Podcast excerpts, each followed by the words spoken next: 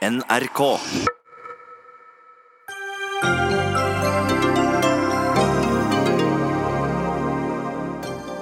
Arbeiderpartiet foreslår moms for elbiler fra 600 000 kroner og oppover. Misunnelsen er visst større enn ønsket om nullutslippsbiler, svarer Venstre på forslaget. Tidligere KrF-leder Knut Arild Hareide svarer på FrPs Ketil Solvik-Olsens beskyldninger om både dobbeltspill og for å være for hard i kritikken av Fremskrittspartiet. Forbundsleder i LO vil ha klimatiltak inn i lønnsforhandlingene neste år. Og skulle det være litt eh, omega-3 sammen med den kolesterolmedisinen? Ansatte ved Vitus apotek føler seg presset til mersalg når kundene henter resepter.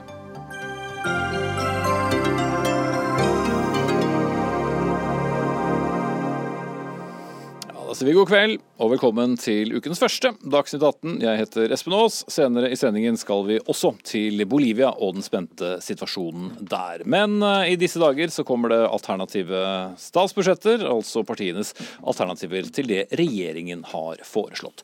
Og Arbeiderpartiet vil at det skal bli moms på de dyrere elbilene. I dag er alle elbiler unntatt moms. I partiets alternative budsjett, som ble altså lagt frem i dag, foreslår partiet å innføre 25% moms på elbiler som koster mer enn 600 000 kroner. Og på Twitter i dag repliserte partilederen i Venstre, Trine Skei Grande, at dette forslaget bunner i misunnelse. Snakke om det i Dagsnytt 18 hadde hun ikke anledning til, men det kan du, Sveinung Rotevatn, statssekretær i Klima- og miljødepartementet. Er det misunnelse som ligger bak dette? Jeg tror faktisk det som hovedsakelig ligger bak det, er en manglende forståelse for hvordan elbilmarkedet fungerer. Eh, men når det er sagt, så er det jo ingen tvil om at eh, jeg tror bakgrunnen for at veldig mange nå bruker utrolig mye tid og krefter på å pønske ut lure måter å gjøre det dyrere å kjøre en miljøvennlig bil på, er at mange misliker at folk med relativt god råd kan kjøpe avgiftsfrie biler. Problemet det er jo at det er ikke slik at elbilmarkedet i dag går av seg sjøl. Ja da, det er omtrent 45 nybilsalg som er elbiler, det er veldig bra. Men Men Dere forteller alltid om det når dere er i studio. ja, og det er interessant at du nevner det. for at Vi bruker alltid, vi utfordrer Arbeiderpartiet sånn på at vi er ikke nok for klima. Og så bruker vi å nevne nå at faktisk så går elbilpolitikken i Norge veldig bra. Og så bruker alltid Arbeiderpartiet å si at jo jo, men alle er jo enige om den, så den kan ikke dere skryte av. Men det viser seg jo at slik er det jo ikke. fordi nå skal Arbeiderpartiet gjøre det dyrere å kjøpe elbil. Det vil bli dra til flere fossilbiler på veiene. Det gjør det vanskeligere å nå målet om 100% elbiler i 2025. Og det gjør det vanskeligere å nå klimamålene. Det er rett og slett en ganske dårlig idé. Men misunnelse, du ville ikke brukt akkurat det ordet? Nei, kanskje ikke akkurat det. Jeg tror hovedproblemet her er at den har manglende forståelse. Åsmund Aukrust, stortingsrepresentant og medlem av energi- og miljøkomiteen for Arbeiderpartiet. Hva var poenget med dette forslaget? Vil dere ikke ha flere elbiler på veiene? Vi vil veldig gjerne ha flere elbiler på veiene, og det er jo, ser vi jo heldigvis at det kommer. Eh, og Det som er forslaget vårt, det er at de som tjener over 600 000 kroner, eller elbiler som koster over 600 kroner, skal du betale moms for, for det som er ekstra. Fordi at eh, I dag så kan du heldigvis få de aller fleste elbilene vesentlig billigere enn det. Og Uansett så vil du få en enorm avgiftsfordel av å kjøpe elbil. Så det er det Tesla-eierne dere er ute etter? Nei, ikke Tesla-eierne i det hele tatt. Faktisk er det sånn at De fleste Tesla, eh, Teslaene i dag koster godt under 600 000 kroner. Så dette er for biler som koster opp mot en million kroner, hvor du da betaler noen tusenlapper ekstra. Og Det syns vi er helt rettferdig og riktig. At de som har aller mest, skal være med og bidra. Og Så må jeg bare eh, dra opp dette misunnelsespoenget som Venstre nå drar opp. og Forrige uke var det Høyre som sa det om Arbeiderpartiet, fordi man skulle innføre noe ja, noe mer skatter, eller de hele tatt diskutere noe mer skatter for de rikeste oppdretterne i Norge. Jo, Og da- vi og da- det. jo, men bare, bare, bare for å ta et eksempel. Ja, Det må være kort, Ja. for vi skal ikke snakke om oppdrett nå. Nei, nei, vi skal ikke gjøre det, vi skal snakke om misunnelse. For dette her handler om å ha politikk som folk flest vil være med på. Jeg syns det er helt riktig at de som kjøper de dyreste bilene, også er med og finansierer det. Høyre og, øh, Høyre og Venstre Men hva om de da kjøper øh, bensin jo, og diesel? la meg ta, ta et eksempel. Fordi at eh, disse partiene mener jo at eh, vi skal kutte i penger til de som skal kjøpe barn som skal kjøpe regulering, barn som skal kjøpe briller. Da er det plutselig helt nødvendig av hensyn til velferdsstatens overlevelse. Men når vi Men skal gjøre det, litt dyrere, gjøre det litt dyrere å kjøpe de absolutt dyreste bilene i Norge, da er det, eh, da er det En, misunnelse. en, en firedel. Jeg skjønner at Arbeiderpartiet helst vil snakke om alt mulig annet enn at de nå vil gjøre det dyrere å kjøpe elbiler. Men det er altså det de foreslår å gjøre, og det er en dårlig idé. Fordi elbilmarkedet går ikke av seg sjøl ennå. Det er ganske sårbart. De fleste kjøper ikke elbil når de skal kjøpe ny bil, fordi folk har jo ulike behov i sine familier, f.eks. Og ja da, hvis du skal kjøpe en bil over 600 000, det er en dyr bil, jeg er, klar over det. Men det her vil jo da bety uh, at hvis du f.eks. skal kjøpe en Tesla modell X, da, ikke sant, som en populær bil fordi den har sju seter, firehjulsdrift, hengerfeste, som er viktig for mange familier, så vil den bli 60 000 kroner dyrere med Arbeiderpartiet sitt forslag. Og Jeg tror ikke at for veldig mange av de som har de behovene, så er alternativet å kjøpe en, en Renault Zoe f.eks. Da er jeg redd for at mange av de vil gå og kjøpe en fossil SUV i stedet for. Det gir høyere utslipp, det er en dårlig idé. Jeg forstår virkelig ikke hvorfor Arbeiderpartiet nå bestemmer seg for at det som har vært en forutsigbar politikk over lang tid, nemlig at elbiler har avgiftsfritak, punktum, skal en sette i spill. Det gjør det vanskeligere å nå konkret, akkurat det, sånn, det er heldigvis sånn at de som kjøper, det å kjøpe elbil fortsatt alltid vil være billigst. En bil som koster 1 million kroner, en veldig dyr bil, det er veldig få som har råd til det, de vil i løpet av det livet til den bilen betale 7000 kroner i avgifter med vår modell. Mens en fossil bil den vil i løpet av sitt liv betale 500 000 kroner. Det er en enorm forskjell. Det er et regnestykke som jeg tror det gjør veldig lett for folk når de skal kjøpe ny bil, også de som kjøper de aller dyreste bilene, og se at el er fortsatt billigst. La meg bringe inn en tredje person her, nemlig deg, Camilla Riste, kommunikasjonssjef i, i NAF. Var dette en god idé, eller jeg vet ikke hva du svarer på det, men hvorfor er det ikke en god idé? Nei, altså Først vil jeg bare si at den debatten vi ser her i dag, er, blir nå en veldig polarisert debatt. Og Det ønsker nok begge sider på den politiske siden av denne debatten. Og Man bruker ord som misunnelse, og man setter de som kjøper elbil opp mot andre grupper. Det syns vi er veldig uheldig. Eller noen av de som kjøper elbil. Ja, og Det syns ikke vi tjener denne debatten, fordi det vi har behov for i Norge, er en helhetlig og langsiktig og forutsigbar bilpolitikk. Så er forslaget som Arbeiderpartiet presenterer i dag, og som har fått mye oppmerksomhet, bare en liten del av det de egentlig legger frem. Fordi Det dette viser, er hva som skjer når man begynner å øke avgiftene på nye elbiler. For Det Arbeiderpartiet ikke snakker like høyt om i dag, er at de samtidig foreslår å øke bilavgiftene på alle bensin- og dieselbiler med 1,9 milliarder kroner. For, nettopp for at de konkurranseforholdet mellom elbiler og andre biler ikke skal forrykkes av dette. Og Da mener jeg at da kan man diskutere om det Arbeiderpartiet kaller i sitt eget budsjett omfordelende avgiftsendringer, egentlig er omfordelende. For det man gjør, er at man gjør det dyrere å kjøpe ny bil. Punktum. Med unntak av noen elbiler, så blir så å si alle biler dyrere. Og det blir vanskeligere for norske familier å kjøpe seg en ny bil. Og det er dumt for tryggheten på veien, for nye biler er tryggere, og det er dumt for klima og miljø. Og har kanskje litt lavere utslipp enn de gamle bensin- og dieselbilene også. Absolutt. Jo, men liksom, Dette illustrerer jo poenget som Daff nå tar opp. Det er at vi jo gjør to ting samtidig. Eh, vi, gjør det, eh, vi beholder alle fordeler for elbiler under 600 000, og så gjør vi det litt litt dyrere. 25 er jo 25, en firedel uh, Nei, det stemmer jo ikke. For kjøper du en bil til, kjøper du en bil til 700 000, da, så får du jo 600 000 uten å betale en krone i moms. Og så betaler du da moms på den siste 100 000-lappen. Det gjør den bilen ca. 3% dyrere. For de som altså har råd til å kjøpe en bil til koster 700 000 kroner, det er snakk om store penger. Og vi mener at da de som har så mye penger, kan også være med å finansiere fellesskapet. Men poenget Men, til NAF om at uh, alle jo, bilene da, med unntak av elbiler, blir dyrere? Det er helt riktig. For de som kjøper de dyreste bilene. Men det er jo sånn, og der mener jeg at det, der, der, Men også de billigste bensin- og dieselbilene? Ja da, det gjør det. Og det gjør vi jo nettopp for at elbilene fortsatt skal ha sine store fordeler. For i 2025 så skal vi bare selge nye biler som går på el. Hvis du kjøper en ny bil i dag i 20, ja, snart 2020 så har du på en måte ingen unnskyldning mener jeg, for å kjøpe en bensinbil. Fordi at, fordi at da veit du eh, at dette er den veien vi skal. Eh, og eh, i dag så da det, det godt, nei, i dag finnes det godt nok alternativer som går på el. Og Der bør jeg utfordre Venstre. da. hva syns du om kritikken fra NAF som kom mot Arbeiderpartiet, som også gjør altså bensinbiler dyrere? det burde jo Venstre applaudert. Istedenfor så har dere altså gått med hylekoret til Høyre Fremskrittspartiet i dag. Det Arbeiderpartiets forslag gjør, det er at det blir dyrere å kjøpe nye biler. punktum og det blir særlig dyrt å kjøpe en ny eh, elbil som har lang rekkevidde, og som har mange populære modeller rundt. Og jeg synes Det er en dårlig idé, fordi vi trenger å skifte ut bilparken vår raskt. Det er klart De som kjøper nye biler, vil alltid være folk som har god råd. Slik er det.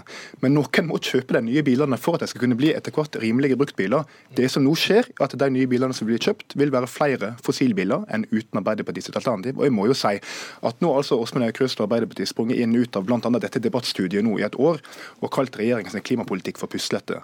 Det de i dag legger fram, er jo et gigantisk mageplask. De legger fram et alternativt statsbudsjett der de eneste klimatiltakene som monner, er sånn nye tilskudd til industrien som ikke får effekt før om mange år. Det eneste de foreslår som vil få umiddelbar effekt, er at elbiler skal bli dyrere.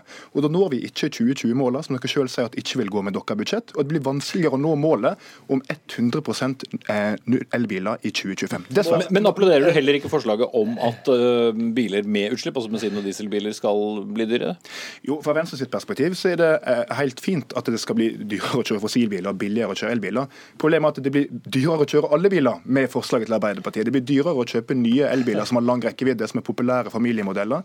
Det er en dårlig idé. og Elbilpolitikken går ikke av seg selv helt ennå. Jeg tror Arbeiderpartiet må forstå det om vi skal klare å nå klimamålene. Du skal få, du skal få svare, men jeg vil bare høre med Camilla Ryste fra, fra NAF uh, først.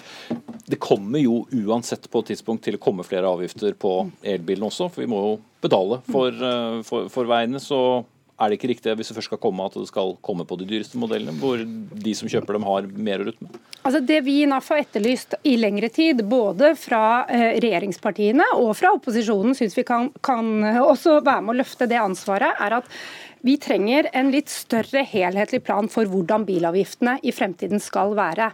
Eh, det eneste vi vet er at det kommer til å komme store endringer. For hvis regjeringen ikke endrer, eller hvis det ikke blir endringer, så kommer eh, staten til å stå med null inntekt fra bilsalget i 2025. Det ville jo vært et fantastisk politisk gjennomslag for eh, oss i NAF, som jobber for en trygg og rimelig hverdagsreise, men det er vel ikke så veldig realistisk. Og vi har dårlig erfaring med når bilavgifter blir gjenstand for politisk hestehandel en sen nattestime fordi budsjettene må gå opp. Så vi har i lengre tid vi, uh, etterlyst at man setter i gang et grundig uh, utredet arbeid for å se på alle sider ved bilpolitikken, og sånn sett komme frem til et helhetlig Og da er det ikke bra nok å begynne med de dyreste modellene, sånn som Nei, Vi syns at dette blir lite gjennomtenkt å komme med dette. Eh, også noen få måneder sånn hvis Arbeiderpartiet hadde fått gjennomslag. Det kommer de jo ikke til å gjøre, så dette forslaget blir jo høyst sannsynlig ikke realitet. Men da hadde man kommet med dette få måneder før det da skulle gjelde fra nyttår, og det syns vi er veldig kortsiktig og gir ikke den forutsigbarheten som vi vet at norske forbrukere trenger når det gjelder bilsalg. Tilbake i tenkeboksen, Aukrust. Ja, nei, altså, eh, bare for å ta det som var poenget til Venstre her i stad. Han sa at vårt budsjett ikke når målene for 2020. Vel, 2020 det er om ca. 45 dager. Jeg vet ikke hva slags magisk politikk han trodde Arbeiderpartiet skulle servere, som skulle gjøre at vi skulle veie opp for at denne regjeringa nå i seks år ikke har levert i klimapolitikken.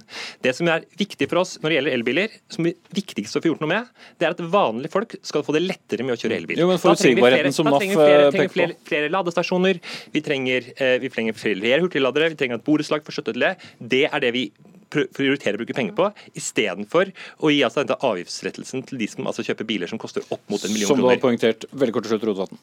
Klimagassutslippene går i riktig retning, nemlig ned. Det har gått ned i tre år på rad nå.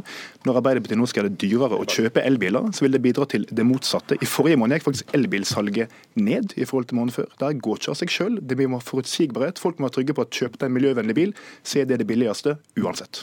Ok, eh, da må vi sette på bremsen. Takk til Sveinung Rotevatn, statssekretær i Klima- og miljødepartementet, Åsmund Aukrust, stortingsrepresentant og medlem av energi- og miljøkomiteen for Arbeiderpartiet, og Camilla Ryste, kommunikasjonssjef i NAF. Dagsnytt 18 alle hverdager kl 18.00 på NRK P2 og NRK2.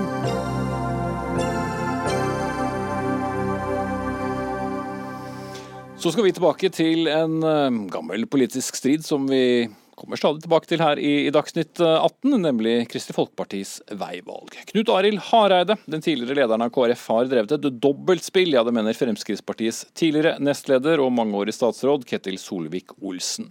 I, I forbindelse med lanseringen av sin selvbiografi på vei i forrige uke langet Solvik-Olsen ut mot Hareide. Og Ketil Solvik-Olsen, du er med oss på linje fra Birmingham i Alabama. Hva vil du med den kritikken mot eh, Hareide i boken din? For det første så vil jeg med boka peke retning på hvor jeg mener Norge bør, og hvor Fremskrittspartiet og regjeringen bør. Og Jeg tar opp en rekke spørsmål innenfor global energi, klima, fattigdom, ledighet i Norge, økonomisk vekst i Norge, velferdssamfunn. Jeps, men Det var egentlig sånne ting ja, det var egentlig, det var, bare poenget mitt, det var egentlig sånne ting jeg skulle ønske at NRK syntes var interessant å diskutere. Og jeg takket nei til Politisk kvarter når det eneste NRK syns er interessant, er nettopp å diskutere med Hareide. Men når jeg får invitasjon igjen, så, så benytter jeg sjansen allikevel til, til å ta opp det temaet.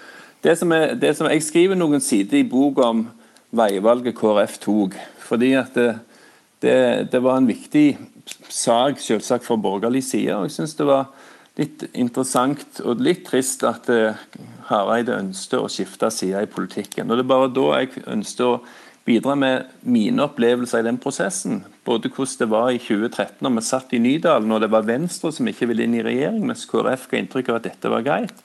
Og litt av de opplevelsene våre underveis på hvordan egentlig samarbeidet gikk veldig godt. og jeg synes Vi fikk til veldig mye godt politisk sammen. Reduserte helsekøer, styrking av frivillig sektor, bra barne- eller familiepolitikk. Og- og en ting som er viktig Men- ja, ikke sant? ja, men- Lista er veldig lang, og det er derfor det er litt interessant når, når han da likevel etter valget valgte å skifte side.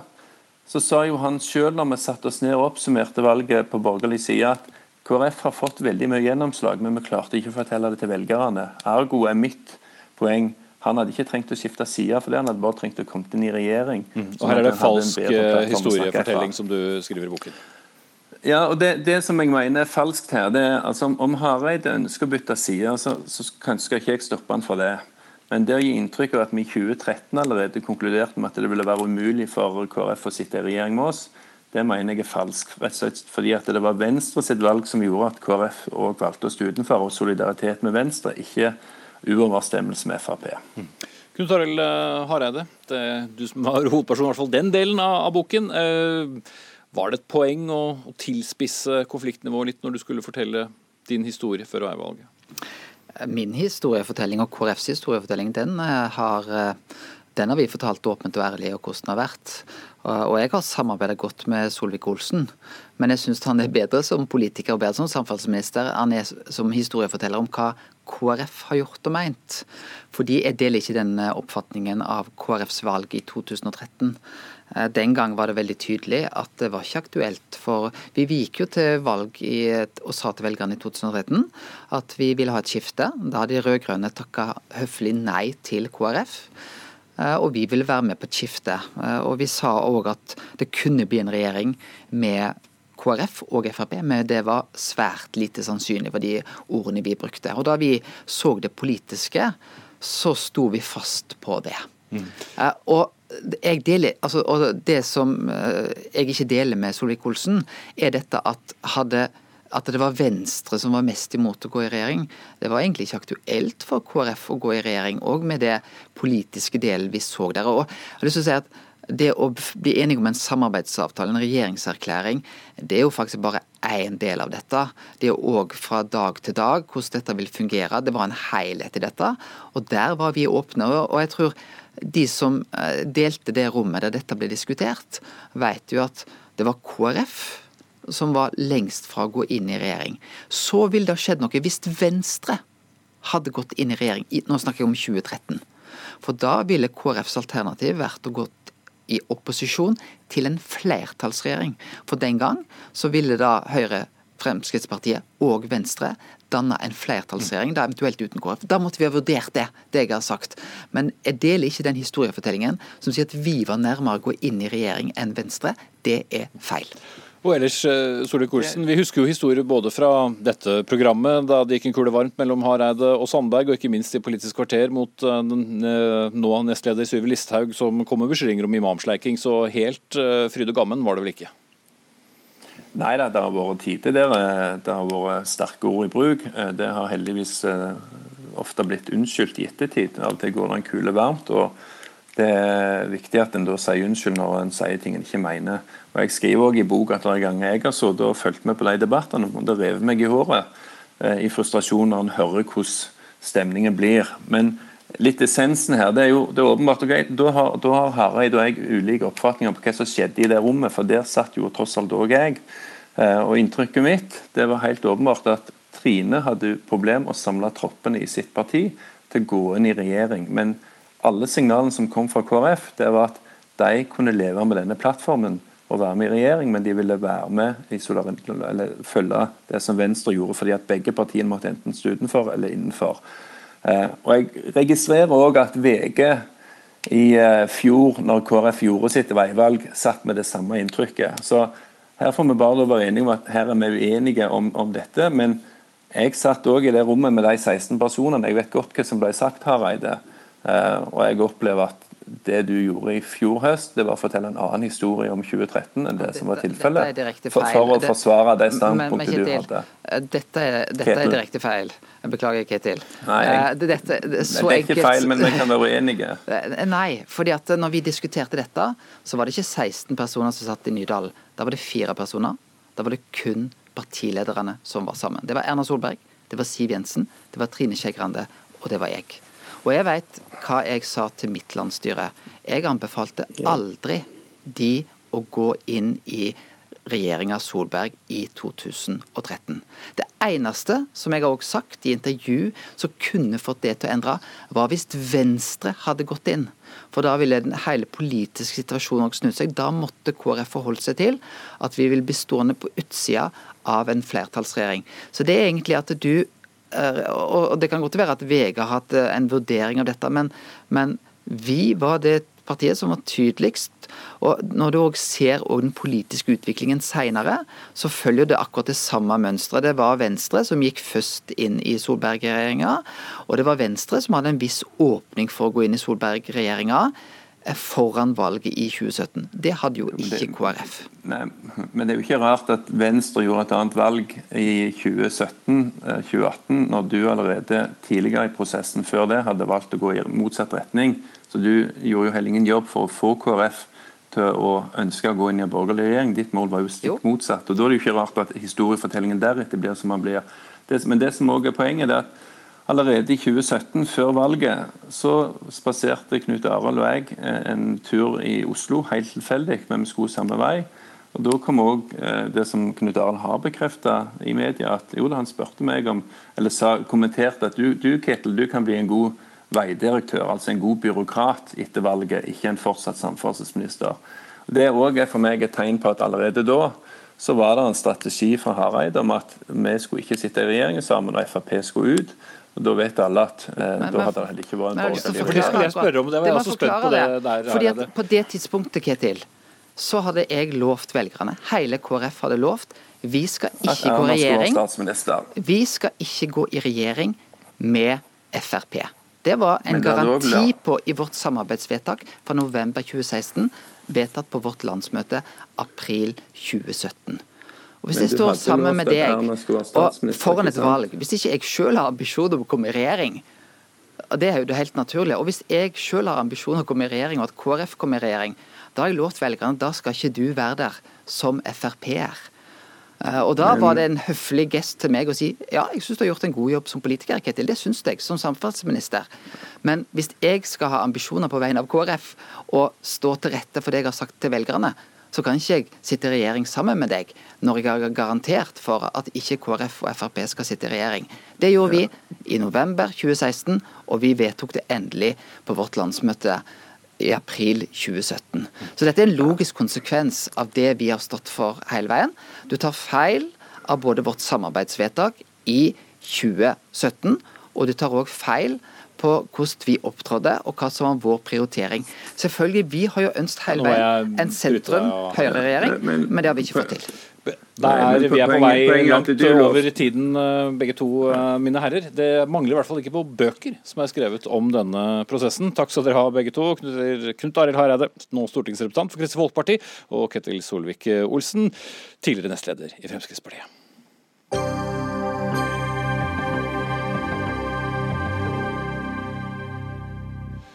Ville du hatt en eh, pose nøtter sammen med allergimedisinen? Senere i sendingen skal vi høre om at apotekene, der på apotekene der opplever ansatte å bli presset til mersalg når de tar imot resepter.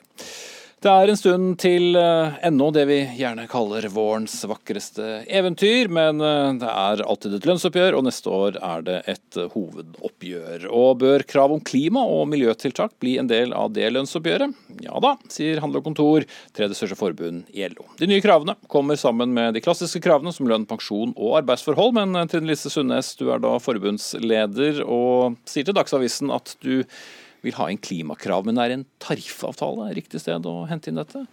Vi mener at eh, tariffavtalen er godt eh, egnet eh, til den type krav. Vi har jo starta prosessen fram mot kravene til våren, og over 70% av våre tillitsvalgte stiller som krav at dette må inn. Og så blir det jo opp til oss da, hvordan skal det materialisere seg. Men, men, men vi har lang erfaring fra å se på hvordan vi kan materialisere ulike krav. Og det er jo klart at Hvis eh, partene i Norge, og da LO, NHO og forbundene og landsforeningene, mener at de har makt over samfunnsutviklingen, ja, så blir jo da spørsmål hvis svaret på det er ja, ja, hvordan kan vi da bruke disse tariffavtalene eh, for å redusere klimautslippene? Prøv å forstå helt konkret, hva, altså det er jo som sagt gjerne lønn, arbeidsforhold, pensjon og slike ting som er inne i, i, i et hovedoppgjør. Hvordan, hva slags klimakrav skal komme i tillegg til, til arbeidsgiversiden? Nei, altså Vi jobber med mange ulike. Vi jobber nå med både det som går på mer bransjemessig og nasjonalt nivå, eh, og vi jobber med hva som naturlig vil eh, handle om lokale forhold. Men det er klart at la oss ta ett eksempel. Eh, det er, som kan bety mye nasjonalt. Det er på pensjonsområdet. Og eh, etter lov om obligatorisk tjenestepensjon, så er det jo sånn at alle arbeidstakere i privat sektor skal ha, ha det. Eh, og i privat sektor så er det innskuddspensjonene. Eh, og her er det jo sånn at arbeidsgiver har ansvaret for og, og muligheten til å plassere de pengene et sted. Eh, og hva ville være mer naturlig enn å diskutere eh, i eh, partsrelasjonene hva om det skal være krav der til at disse pengene skal investeres i grønne fond. Det vil potensielt være noe som betyr veldig mye i omstilling, og som også handler om, handler om klimakutt. Nina Welsom, direktør for området arbeidsliv i NHO. Eh, det blir jo alltid krevende i hovedoppgjørene. Hvordan eh, ser du for deg også å diskutere klima- og miljøtiltak i de sene timer, kanskje hos Riksmegleren? Jeg har lyst til å starte med å si at eh, Når det gjelder det grønne skiftet, så er det åpenbart at partene har en rolle i å finne frem til grønne løsninger. og Det gjelder både på bedrift og på landsforening, forbundsnivå og på hovedorganisasjonsnivå. Men Vil du ha det inn i tariffavtalen? Nei. og Det handler om at hva er en tariffavtale? Jo, det er en avtale mellom en fagforening og enten en bedrift og eller en eh, arbeidsgiverforening som regulerer lønns- og arbeidsvilkår. Så I så måte kan du si at en eh, tariffavtale utfyller arbeidsmiljøloven. Og Rundt det så har man også et setup Eh, som går både på hvordan man forhandler, man har eh, mekler, riksmekler, som er ekspert på lønns- og arbeidsvilkår. Man har eh, en arbeidsrett som hjelper oss hvis vi er uenige om hvordan vi skal forstå tariffavtalene. Med andre ord, det er lønns- og arbeidsvilkår knyttet til de ansatte. Så ja, man skal drøfte det miljøspørsmål, men det hører ikke hjemme i en tariffavtale. Det var en uh, klar avvisning på grått papir, det, Sundnes? Eh, for å si det sånn, jeg hadde én, eh, ikke noen, noen verken forhåpninger eller ønske om at vi skulle sitte i studio og forhandle eh, vårens eh, oppgjør. Men, men, vi har gått inn og sett på alt fra transport, eh, energi, avfall, innkjøp, pensjoner, overskudd, arbeidstid osv. Og, og, og det er ikke sånn at det ikke ikke ligger eh, muligheter i tariffavtalene knytta til dette, eh, som også handler om, om, arbeidstid, som handler om reisevei, som handler om diett, og som handler om eh, å få eh, kostnadene opp på det som, eh, som potensielt er økte utslipp. Eh, og så handler det jo om å få eh, utgiftene ned på det som motiverer til innsats. Og her er det veldig, veldig mange ulike og gode tilnærminger vi kan ha. Og jeg tenker at eh, tariffavtalene våre trepartsmodellen og hvordan partene bidrar i dette, har vist over tid at eh, også klima har noe å si i forhold til dette. Nå har vi knytta til eh, en av de andre hovedorganisasjonene, nemlig Virke, regulert dette inn i hovedavtalene. Men, men også med NHO så står det at vi skal eh, jobbe med, med god utvikling av virksomhetene. Mm, ja, I hovedavtalen er helt riktig, så står det at man skal være opptatt av å samarbeide om produksjonsmessige forhold, bedriftens økonomi og også eh, ytre miljø. Så man har medbestemmelsesregler eh, og drøftingsbestemmelser. og Dette er jo veldig naturlig at man drøfter på den enkelte arbeidsplass. Men det går jo mer konkret, tenker jeg på, hvis du f.eks. tenker at eh, i en fiskeoppdrettsbedrift så diskuterer man skal man frakte med tog eller skal man ta frakte med vogntog.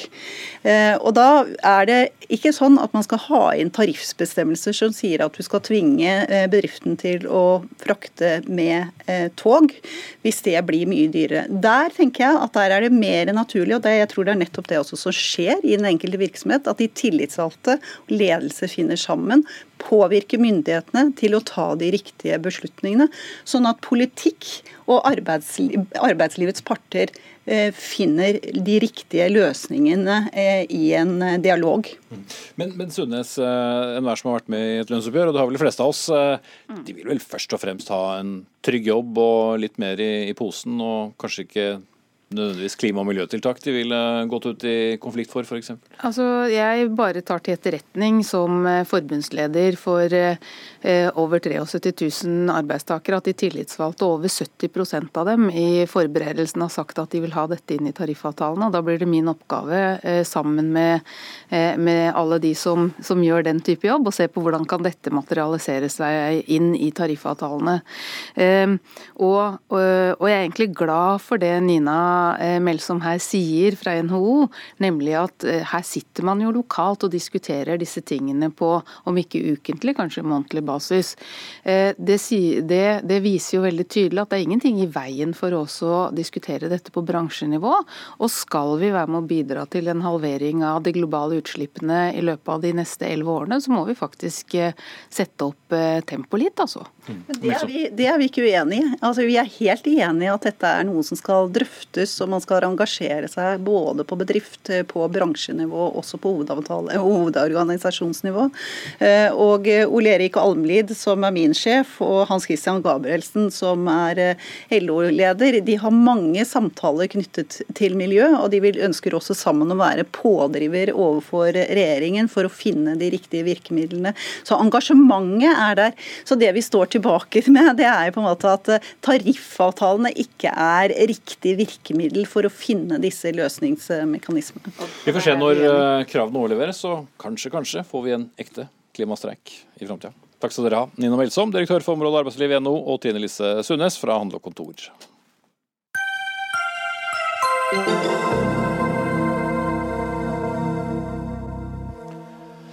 Det er en eh, mildt sagt eh, uoversiktlig og ikke minst spent situasjon i Bolivia etter at eh, president Evo Morales hevder på Twitter at det er utstedt en arrestordre mot ham. Mens opposisjonen bekrefter dette, kaller politigeneralen påstanden for falske nyheter.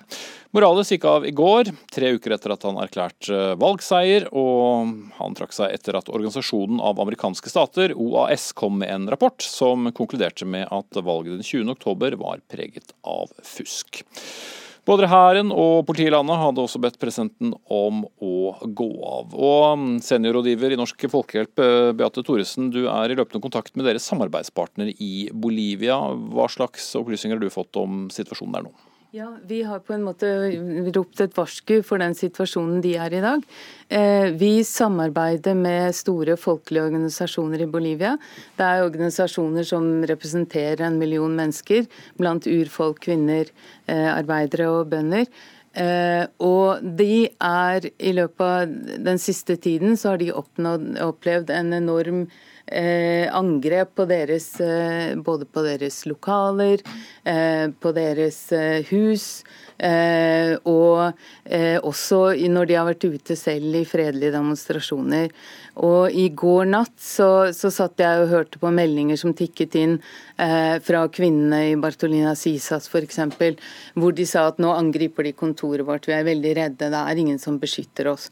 Eh, sånn at disse organisasjonene føler seg ekstremt. Og dette er jo organisasjoner som har vært en viktige drivkrefter i den prosessen og den endringsprosessen Bolivia har vært gjennom de siste ti årene. Mm. Så rett og slett fordi at det nå er blitt et slags vakt, maktvakuum, så er det veldig mm. uoversiktlig å være til stede. Ja, Men også fordi at, at uh, det man har sett i de uh, siste ukene etter valget, da, uh, så har det vært Eh, mer ekstreme grupper i opposisjonen som har angrepet eh, folk som da støttet eh, presidenten. Og, og det har vært mye av den typen noen motorsykkelgjenger som har angrepet demonstrasjoner, folk går rundt med balltrøm, man setter fyr på, på hus og den typen ting. Mm. Så de føler seg ikke særlig trygge? Nei.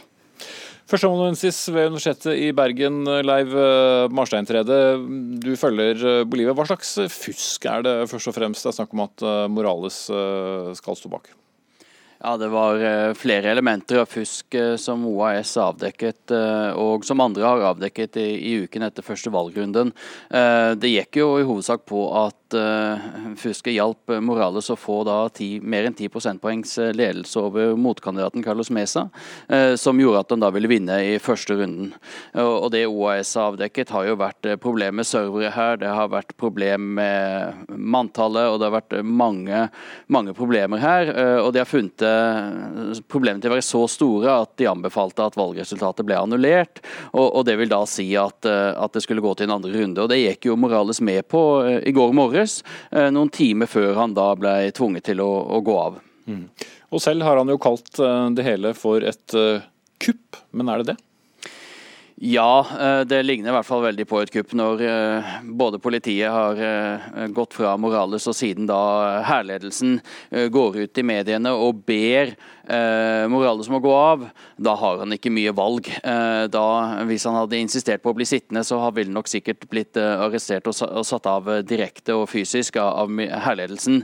Eh, så det er klart at dette er en form for ukonstitusjonell eh, maktoverføring til ennå vet vi ikke hvem, som har vært ledet av det militære. Men det er klart dette er slutt slutten på en, en lang uh, prosess der det har vært uh, tusenvis i gatene. Uh, det har vært valgfusk. det har vært satt stor tvil om Morales faktisk hadde rett ifølge Grunnloven til å stille. så klart dette er enden på visa, der politikerne, partiene, institusjonene, de demokratiske institusjonene i landet ikke har greid å løse krisen. Og til slutt stepper da militæret inn og velger side mot Morales, men til fordel da for de mange som har demonstrert siden valget for tre uker siden. Som vi hører Thoresen si, så er det ganske uoversiktlig. Og det er det vel også hvis man skal se på opposisjonen i landet? Ja, absolutt. Og det er jo tendenser til at opposisjonen har blitt splitt splittet etter det første valgrunden. Eh, det har vært eh, flere som har kritisert Carlos Mesa, som var den som stilte som presidentkandidat, for at den har vært for moderat. Eh, det har vært krav om at alle MAS, altså partiet til Morales, alle MAS sine representanter i parlamentet må gå av, at man må fjerne Høyesterett osv. osv. Så, så det har vært en klar splittelse, og dersom MAS ikke sjøl kan stille til et nytt valg nå, så kan vi se for oss at ikke bare så er regjeringspartiet partiet i oppløsning, men også opposisjonen i oppløsning. Og Det er jo usikkert nå hvem det er som vil styre, fordi faren her er jo det kaoset som her blir beskrevet. At det fører til vandalisme, plyndring, vold mot eh, støttespillere av Morales, og selvfølgelig også eh, mot de eh, som er i opposisjonen, som har opplevd da også vold mot, mot seg, som er gjennomført av Morales sine støttespillere her. Men hvem skal da sørge for orden? Militær og politi? Eh, ja, sannsynligvis så, så, må sikkerhetsmyndighetene ta kontroll og beskytte de bolivianske borgere mot hevnaksjoner på begge sider her. Og, og, særlig vil jeg si at utsatt er de som har uh, støttet Morales gjennom alle disse årene. Uh, og de som skal sørge for sikkerhet, er jo i særlig grad politiet.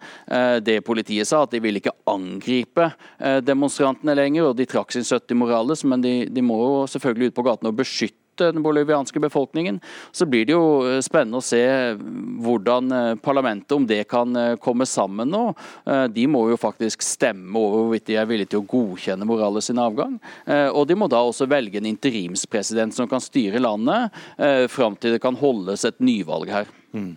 Og Det kan bli en lang vei dit. Beate Thoresen i, i Norsk Folkehjelp, hvordan ser vanlige folk på fremtidsutsiktene ut fra det de opplever daglig, og kanskje også eh, et bilde à la det som Marstein beskriver her om framtiden?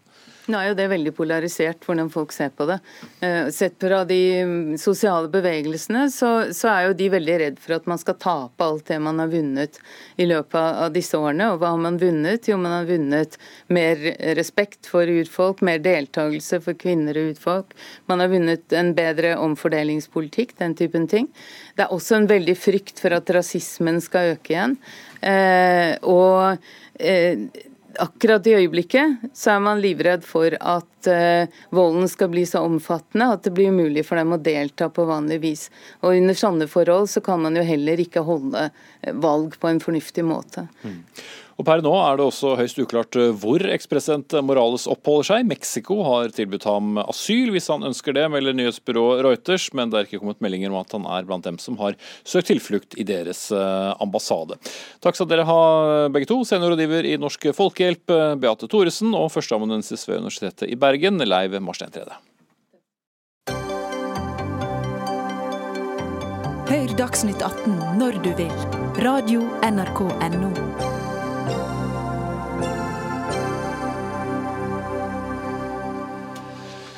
Når du har vært og hentet eh, kolesterolmedisinen din på apoteket, ønsker du da også få et tilbud eh, om eh, en boks med omega-3-tabletter.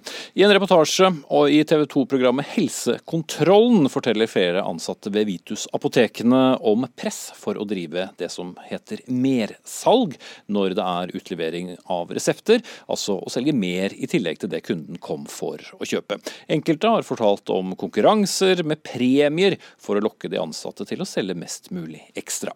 Samtidig er medisiner i Norge blant de billigste i Europa, og apotekene sliter med synkende synkende inntekter fra nettopp reseptbelagte medisiner.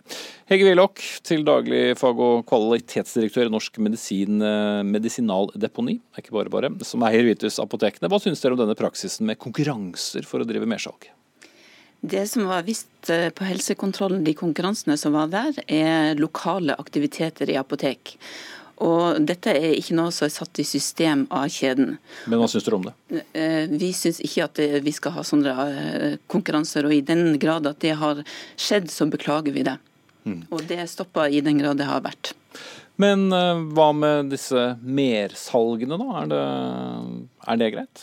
Det vi syns er viktig, det er jo at eh, kundene som har resept, eh, og ofte så kommer de til apoteket og lurer på bivirkninger eller hvordan de kan få tilleggseffekt, at de får råd og veiledning.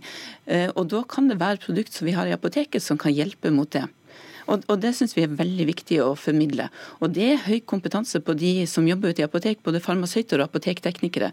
Så vi syns det er viktig at de gir råd. Men da om, eh, om, andre produkter som har med de reseptbelagte medisinene å gjøre. Ikke et eh, strålende tilbud på Camphor drops dersom de har vært og, og hentet sukkersyk. Nei, Vi ønsker ut ifra en faglig rådgivning å gi eh, adekvate råd som har med det for å gjøre bedre for pasienten. For at de skal kunne ha en bedre etterlevelse og ta legemidler sånn som de skal. For ofte så er bivirkninger ting som gjør at de stopper å ta legemidler. Og da er det viktig for oss å motivere til det, og eventuelt hjelpe med ting som er problematisk. Mm. Men noe annet som er viktig, er jo bunnlinja. Altså at man tjener eh, penger. Og det er, eh, som det også kom fram i, i programmet, helt åpenbart at en del apoteker sliter. Er det da også greit å spe på litt på inntektene til apoteket og, og, selge mange andre produkter. For det selges jo mye mer enn en bare reseptbelagte medisiner i, i, et apotek. Ja, og, og det, det, er mange typer varer i apoteket. Men i forhold til rådgivning til de som får resepter, så er det de råd, da det, skal det være basert på faglige råd og produkt som vi har kvalitetssikra og som vi mener at eh, kunden eller pasienten da, som bruker resept, har bruk for. Og, Det viser også en eh, undersøkelse som, som var gjort av vår bransjeorganisasjon Apotekforeninga, at uh, to, det var bare to av ti som sa de hadde fått aktive råd, men de som fikk det, var veldig glad for det. Ja, så da er vel alt bra da. Renag Larsen, leder i Norges farmasøytiske forening. Eller opplever ansatte som er medlemmer hos deg et visst press for å selge mer?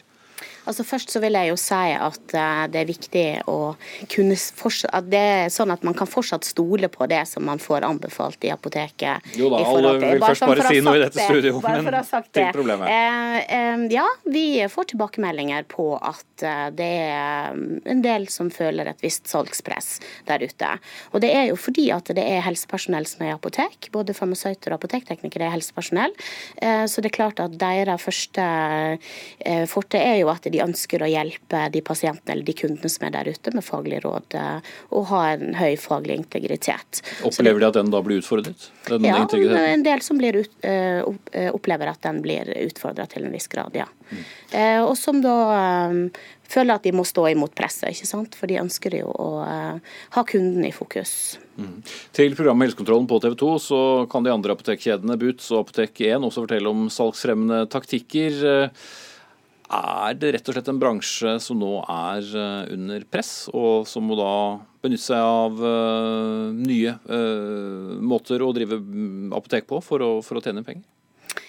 Um, under press til Vi, syns jo at de har ganske god inntjening, da, hvis man ser på bunnlinja til apotekene. Uh, sånn at det kommer an på hvordan man definerer i forhold til press. Men det er klart at hvis man har tanke om at man skal ha en viss inntjening hvert år, som er økende, så er det klart at det blir under press. Mm. Ja, Willoch, eh, hvordan vil du beskrive den økonomiske tilstanden til apotekene? Altså, Legemiddelprisene har jo gått ned eh, over tid. og Norge er jo en av de rimeligste landene i Europa. Vi skal hele tiden være blant de ni, eh, ni rimeligste og, og, på bunnen tre av de. Og, og, Det er jo for så vidt et paradoks i det landet som vi er, som har høye lønninger til eh, høyt kompetente medarbeidere. Mm. Ja, så Du sier da at det er dere som uh, indirekte da må betale for at uh, folk får billigere bensiner? Nei, det, det, jeg sier det er at det bør være en balanse og en sunn forretning. I, vi har fått et samfunnsoppdrag, og det å forvalte legemidler og, og, gjøre en jobb for pasientene i forhold til å gi råd og veiledning, og gjøre at det er riktig legemiddel til riktig pasient, og at alt skal være korrekt. At man kan stole på det. Mm.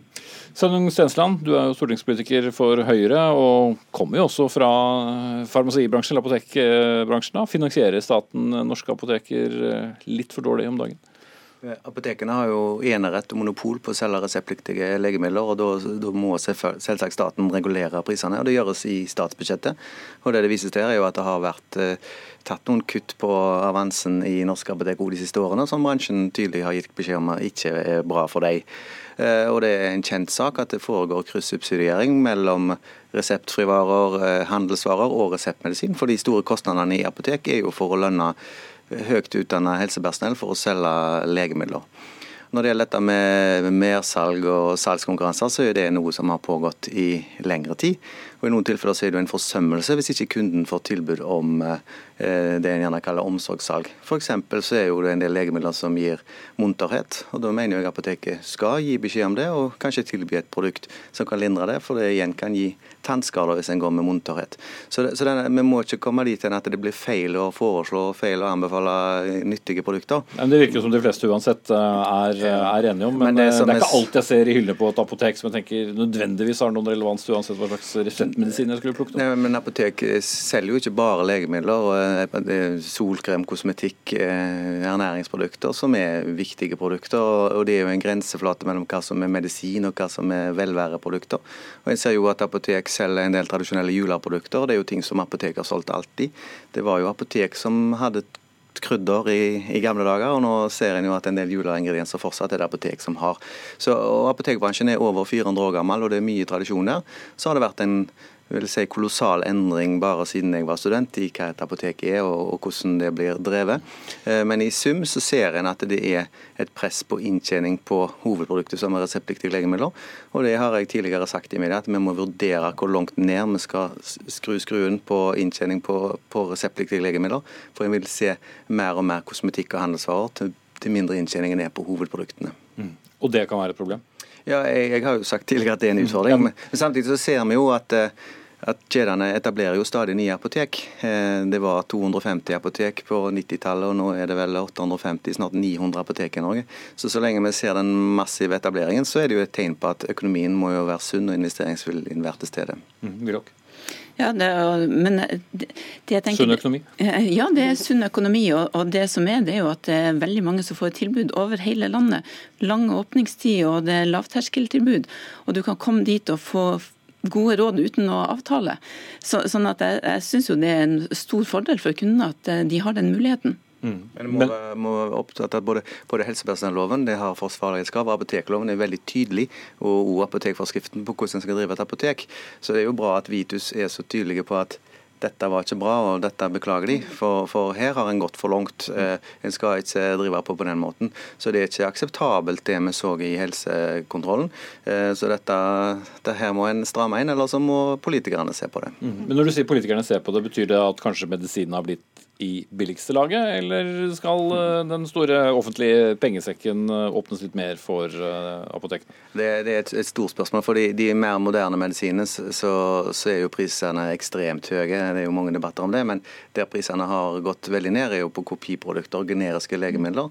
Der vi ser at enkelte leverandører ikke lenger vil levere til Norge. og Da kommer vi jo fort over i diskusjonen om legemiddelberedskap og mangel. Så for noen produkter så mener jeg ja at prisene har gått for langt ned. fordi fordi Norge er et så lite marked at leverandørene ikke velger å prioritere det. Men det, da, det, er jo da en annen diskusjon enn økonomien til apotekene. Larsen? Ja, jeg vil bare legge til at jeg syns jo det hadde vært interessant å få en utvidet utvida diskusjon om de tjenestene, de farmasøytiske tjenestene som foregår i apotek, og vri litt diskusjonen bort fra prisen på legemidler, men at heller de fagfolkene som farmasøytene som jobber i apotek, kunne få betalt for den faglige servicen som de yter i forhold til å gi legemiddelinformasjon og veiledning i forbindelse med den. Hvordan skulle det finansieres? Vi har jo blant annet i dag så har vi inhalasjonssjekk, som blir finansiert via blå resept. Vi har eh, medisinstart, som òg eh, for enkelte typer legemidler blir finansiert på blå resept-ordningen, for å bruke et folkelig uttrykk. Eh, og jeg tenker at det hadde vært interessant å få flere sånn at man kanskje fikk mer betaling for den informasjonen man ga ut, istedenfor å tanke på at det er legemiddelavansen som skal dekke det. Mm. Det er så starten på en ny diskusjon at jeg tror jeg heller setter strekk. Og så får man ta med seg to julekalendere og ringe på mandag. Takk skal dere ha alle tre. Eh, Rønnaug Larsen, leder i Norges farmasøytiske forening. Hege Willoch, eh, fag- og kvalitetsdirektør i Norsk Medisinaldepot. Og Sveinung Stensland, stortingsrepresentant for Høyre.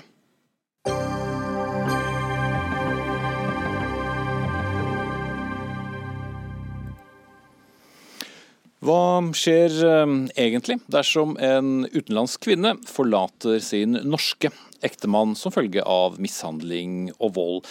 Vel, da kan fort også grunnlaget for opphold i Norge forsvinner, og risikoen øker for at kvinnen må reise tilbake til fødelandet. Og den frykten kan også få kvinner til å bli i ekteskapet. Volden til tross har vi sett bl.a. gjennom saker her på NRK. I utlendingsloven ja, der finnes det en sikkerhetsventil for å beskytte voldsutsatte kvinner gjennom opphold på selvstendig grunnlag, men denne fungerer ikke skikkelig, skal vi tro deg, Karen Anna Anna Kilskar, saksbehandler i Juridisk rådgivning for kvinner, eller JURK som det heter på kortform. I en kronikk i Dagbladet så skriver du at disse reglene som skal beskytte kvinnene, svikter totalt. Eh, ja. Gjennom eh, vår saksbehandling i JURK eh, så har vi sett at en terskel eh, for mishandling som eh, etter loven skal være lav, og et beviskrav som skal skal være snilt, eh, ikke praktiseres eh, som eh, rettskildebildet tilsier, eh, og som gjør at risikoen eh, for å søke eh, om opphold eh, hvis man har blitt utsatt for mishandling, er altfor høy. og det gjør at mange velger å bli i voldelige forhold. Mm. Men hvor mener du da at grensen skal gå? Jeg mener at grensen skal gå der eh, rettskildebildet setter den. Uh, og det mener jeg ikke at praksisen som er i dag, uh, etterfølger. Mm. Ja, men bare for å være konkret, for det må vel være noe mer enn å gå og si til myndighetene at uh, jeg, jeg, lever i et sånn og sånn forhold. Det må, vil jo alltid være en viss bevisbyrde. Det er det, eh, men nå legger loven opp til et ganske snilt beviskrav. Eh, og eh, rundskrivene legger opp til at det er forklaringer til kvinnene som er utsatt for det her, som skal legges til grunn, og at de ikke skal være nødt til å gå til politiet eller bevise det her over enhver tvil. Eh, og vi opplever at det er mange av kvinnene som ikke blir trudd. Mm. På tross av det her, da. Mari Holm Lønseth, stortingsrepresentant for Høyre og selv jurist. Er dette meningen, da? Nei, jeg tror vi alle sammen kan være helt enige om at det er fullstendig uakseptabelt at det finnes mennesker som også i hermetegn henter kvinner fra andre land og misbruker dem. Det er ikke sånn Eh, vi skal ha det. Det er fullstendig uakseptabelt.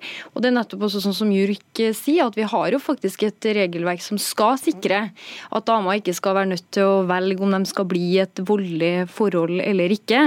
Og det er gode grunner også til at det ikke skal være så strenge beviskrav for det, rett og slett fordi at man ikke skal risikere å bli værende. Og Derfor så har vi også bestemt politisk at den bevisbyrden skal være mye lavere enn i en straffesak. Ikke bare det, vi har også politisk bestemt også så sent som i fjor at det, rettssikkerheten for de her kvinnene skal styrkes. og Det hjelper ikke bare at du det er ikke sånn at du bare må bli mishandla av mannen din, det er også hvis du blir f.eks. mishandla av svigerfamilien din. Så jeg tror at her kan vi på langt på vei være enige om hvordan reglene skal være. Og jeg som stortingsrepresentant også vil jo selvfølgelig si at reglene skal praktiseres sånn som Stortinget har vedtatt dem. Mm. Men Hva er da forklaring på at embetsverket ikke gjør det? Nei, det er jo jeg kan jo heller ikke gå inn i eh, enkeltsakene, det er jo utlendingsmyndighetene som gjør det her. Og jeg har heller ikke lest noen tall eller fra JURK på liksom hvor stort omfanget der er. Men når jeg liksom leser kronikken til JURK, så blir jeg også altså Det knytter seg i magen. Og da tenker jeg at det er naturlig at man også tar en gjennomgang og ser om regelverket praktiseres sånn som det skal gjøres. Regjeringa er jo f.eks. allerede i gang med en handlingsplan mot vold i nære relasjoner som skal presenteres neste år. Der er jo dette f.eks. et sånt naturlig tema å ta opp. Og samtidig Samtidig er det jo helt naturlig å vurdere helt andre tiltak, f.eks. om man skal innføre en form for karantenebestemmelse for mennesker som henter mm. kvinner, ofte fra andre land. og Det er jo også regjeringa allerede i gang med. Ja, bare for å legge til der, da, Hvis noen lurer på akkurat den delen, så er litt av bakgrunnen en sak som bl.a. vi hadde her på, på, NRK, om en del eh, menn som da henter en kvinne, blir lei, banker henne opp. Eh, hun, hun forlater mannen, og den samme mannen vil da hente nye kvinner eh, senere. Men vet vi noe om dette omfanget? Vet JURK eh, noe om hvor, stort, eh, hvor stor utstrekning det egentlig er snakk om? Nei, nå er det ikke sånn at vi sitter på noe sånn tallmateriale over det. Men vår opplevelse er at det er et for stort omfang. Og det tror jeg også krisesentrene kan si seg enig i etter de uttalelsene som de har gitt til NRK.